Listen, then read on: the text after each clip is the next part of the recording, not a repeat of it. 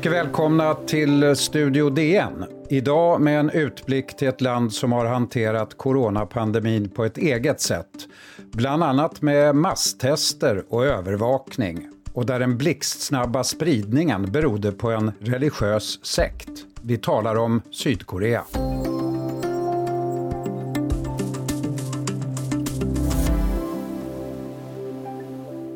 Jag säger hej till DNs Asienkorrespondent Marianne Björklund. Välkommen hem. Tack så mycket. Tack. Du kom ju nyligen från Sydkorea men dessförinnan också från Japan och Kina där du är stationerad. Eh, kan du överhuvudtaget åka tillbaka till Peking nu som läget är?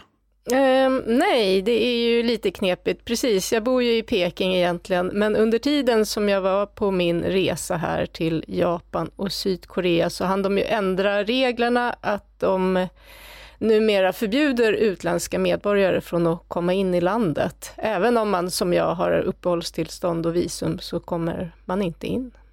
Så du vet inte hur, hur länge det här kommer att pågå? Du är i någon slags limbo här i största allmänhet? Ja, det är jag verkligen. Det är ju det att i Kina är nu de har ju fått ganska bra kontroll på, på smittspridningen, men det största hotet för dem är ju nu att importera viruset. Nästan alla nya fall i Kina kommer utifrån.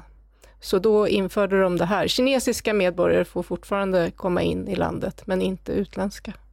Men då undrar man ju onekligen, eh, Marianne, pandemin har ju då sitt ursprung i de kinesiska djurmarknaderna och ändå har man då hört att eh, man öppnar dem nu igen. Är man inte rädd för de riskerna?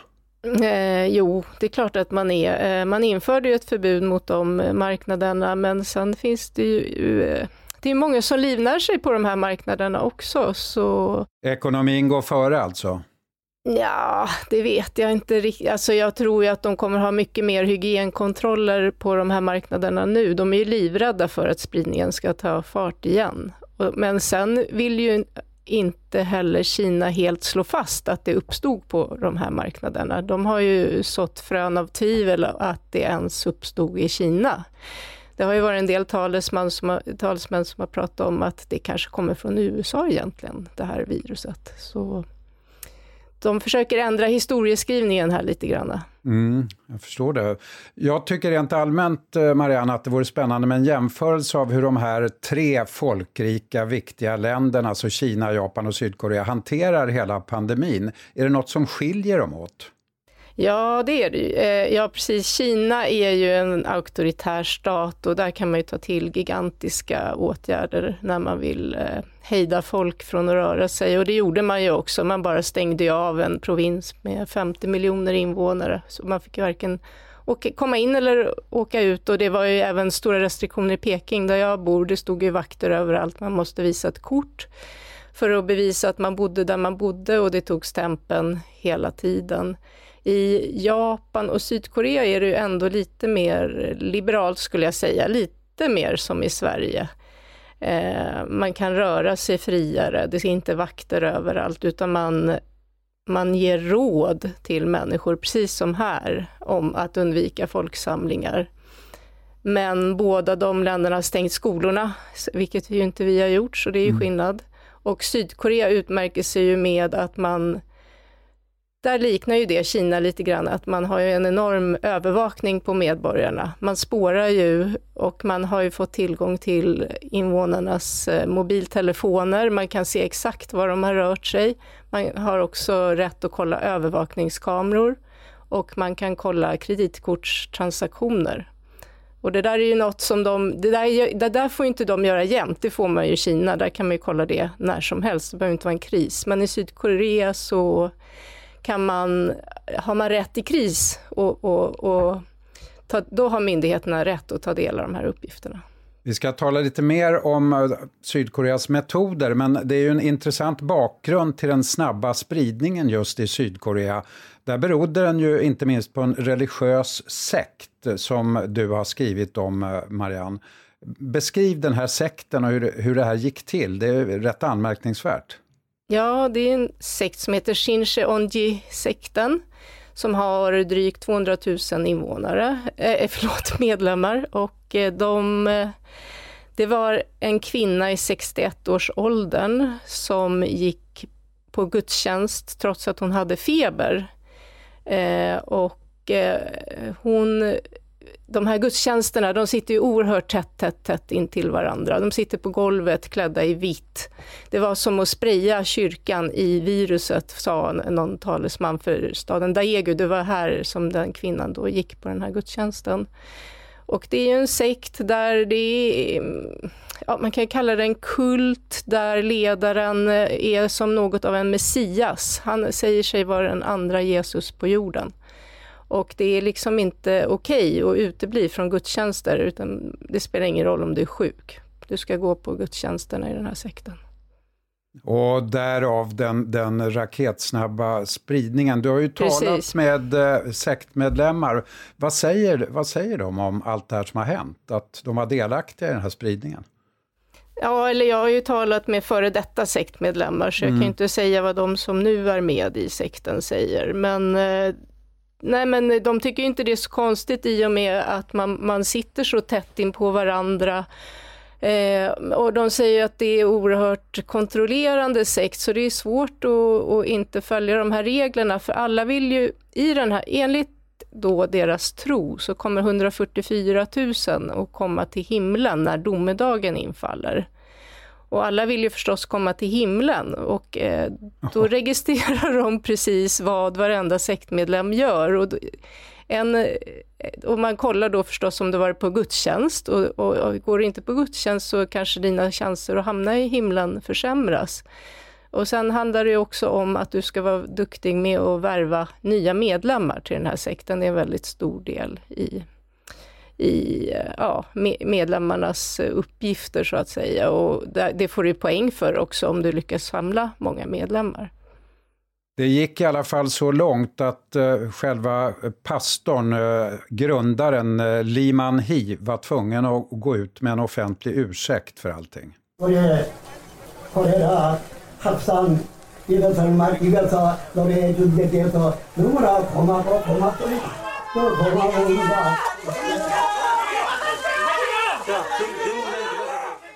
Ja, precis. Först så, så, först så var han ju ganska kaxig och, och, och, sa att det här är djävulens verk och de försöker att testa vår tro här. Eh, och till att börja med var de inte heller så samarbetsvilliga. Det är en ganska hemlighetsfull sekt, så de lämnar inte ut eh, listor och sådär på medlemmarna, telefonnummer. När Sydkorea skulle inleda det här som de är så kända för, att de är duktiga på att spåra, var har en medlem befunnit sig? Men sen när det spred sig och det blev stor ilska i Sydkorea, det var upprop, över en miljon kräver att den här kyrkan upplöses, då till sist så blev han mer ödmjuk och höll en presskonferens där han bad om ursäkt och var ner på knä. Ja. Ja, det följer inte helt i god jord. Det var buanden där också från mm. sådana som hörde honom. Vilka konsekvenser får det här totalt sett? Ja, just nu så är, är de ju förbjudna att ha några gudstjänster och eh, jag var ju utanför där, deras församlingshem i Daegu och det, där står det en lapp på dörren att det är förbjudet att samlas i lokalen och eh, Ja, många i Sydkorea, de man pratar med, tycker ju att de borde förbjudas och det har ju även inletts en förundersökning gentemot eh, ledaren här, att han skulle då vara delaktig i eh, anstiftan till mord. Bara för att de inte samarbetade i början. Vi är strax tillbaka med Marianne Björklund om Sydkorea.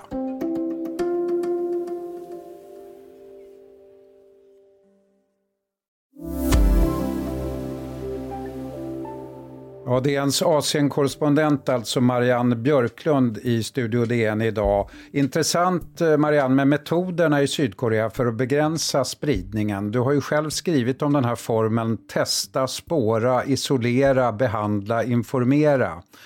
Eh, Sydkorea var ju på tårna redan från början kan man säga. Hur kom det sig att man var så på hugget direkt? Jo, nej, men det har nog att göra med att man tidigare har varit väldigt eh, drabbad av olika typer av virus. Senast MERS, som ju aldrig kom till Sverige, men som också är en virussjukdom och som var ännu mer dödlig än vad den här är. Och då fick man stor kritik för att agera alldeles för långsamt och, och vara dålig på att informera allmänheten om viruset. Så då, då stiftade man ett antal lagar som har underlättat bekämpningen av viruset den här gången. Bland annat det här vi pratade om förut, att man kan spåra människor, att de får ta del av information om var de har varit, men också att det skulle gå snabbare att ge licens till företag att utveckla testutrustning. Så det gjorde man jättesnabbt här och nu har man fem företag som producerar testutrustning. Och till och med du som utländsk journalist fick testas, hur gick det till? Ja precis, ja, nej, men det visar hur lätt det är. Ja, vi fick ju ringa upp då och kolla eh, om jag kunde testa eh, och det tog någon dag innan de kunde anvisa mig till var jag kunde testa. Men sen när jag väl hade fått klartecken så var det bara att åka dit och eh, gå fram där till läkaren och berätta att jag ville testa mig. Och gick ju lätt som helst faktiskt. Det var nästan inga människor där, ingen kö, det var bara att gå in. Om du hade varit positiv, vad hade hänt då? Ja, då hade jag fått stanna i... Då hade jag förstås eh, blivit ja, isolerad. Nej, precis. Eh, och då hade de kontaktat alla som varit i min närhet. Eh, jag var ju väldigt rädd för att vara positiv, för det hade ju fått sådana konsekvenser för alla andra. Det hotellet som ju inte, precis som på alla andra ställen, hade inte så många gäster, men då hade ju fått stänga i två dagar. De hade fått eh, sanera hela byggnaden. Alla som jobbade där hade intervjuats. Eh, och om, eh, för att höra om de hade pratat med mig och hade de gjort det skulle de också behöva testas. Och hon jag jobbade med i Sydkorea som hjälpte mig översätta hade krävts att hon testades. Och så hade det pipit varningsmeddelanden i mobilen om, om dig och andra hela tiden. Jaha. Alltså. Jo, jag fick ju varningsmeddelanden flera gånger per dag eh, som handlade om att nu har, det varit, nu har vi upptäckt en smittad i närheten av där du befinner dig. Mm. Men du, hur ser man, eh, Marianne, på de här integritetsfrågorna? Det måste ju ändå vara eh, snack om det med den kraftiga övervakningen. Jo, det är det ju förstås och det har ju man, det, det har ju, man kan ju se så i detalj vad folk har gjort, så ibland så har ju en, man kunnat identifiera vem det faktiskt handlar om. Och man har även kunnat eh, ana att någon har till exempel varit otrogen och det där är ju kanske mm. ingenting som man vill att hela världen ska veta, så det har ju eh, kritiserats. Men samtidigt, många sydkoreaner jag pratar med tycker ändå det är okej för att de tycker att det är värt det i sådana här kristider och att inte mm Eh, för att få stopp på den här smittspridningen. Men de, de, har eh, modererat det lite. Förut var det att man kunde verkligen se steg för steg, dag för dag. Nu kan man se rörelseschemat under ett antal dagar. Och nu hjälper Sydkorea bland mycket annat andra länder med testning. Eh, kan man säga är läget i landet under kontroll nu? Nej, det kan man inte riktigt säga. Det, eh, det, uppstår ju, eh, man har fått ner till mindre än 100 nya varje dag nu, men det uppstår ju nya kloster hela tiden och de är precis som alla andra rädda för att det ska ta fart igen. Så de har också infört hårda regler för inresande. Eh, jag lyckades precis komma undan. Hade jag kommit bara några dagar senare så hade jag tvingats sitta i två, två veckors karantän i Sydkorea. Med det får vi sätta punkt för det här. Tack Marianne Björklund, DNs Asienkorrespondent. Imorgon ska vi prata om en annan pandemi, spanska sjukan och 104-åriga Dagmar som överlevde den. För ljudillustrationerna stod Marianne Björklund och Reuters. Studio DN görs av producent Sabina Marmelakai, exekutiv producent Augustin Erba, ljudtekniker Patrik Miesenberger och teknik Oliver Bergman, Bauer Media.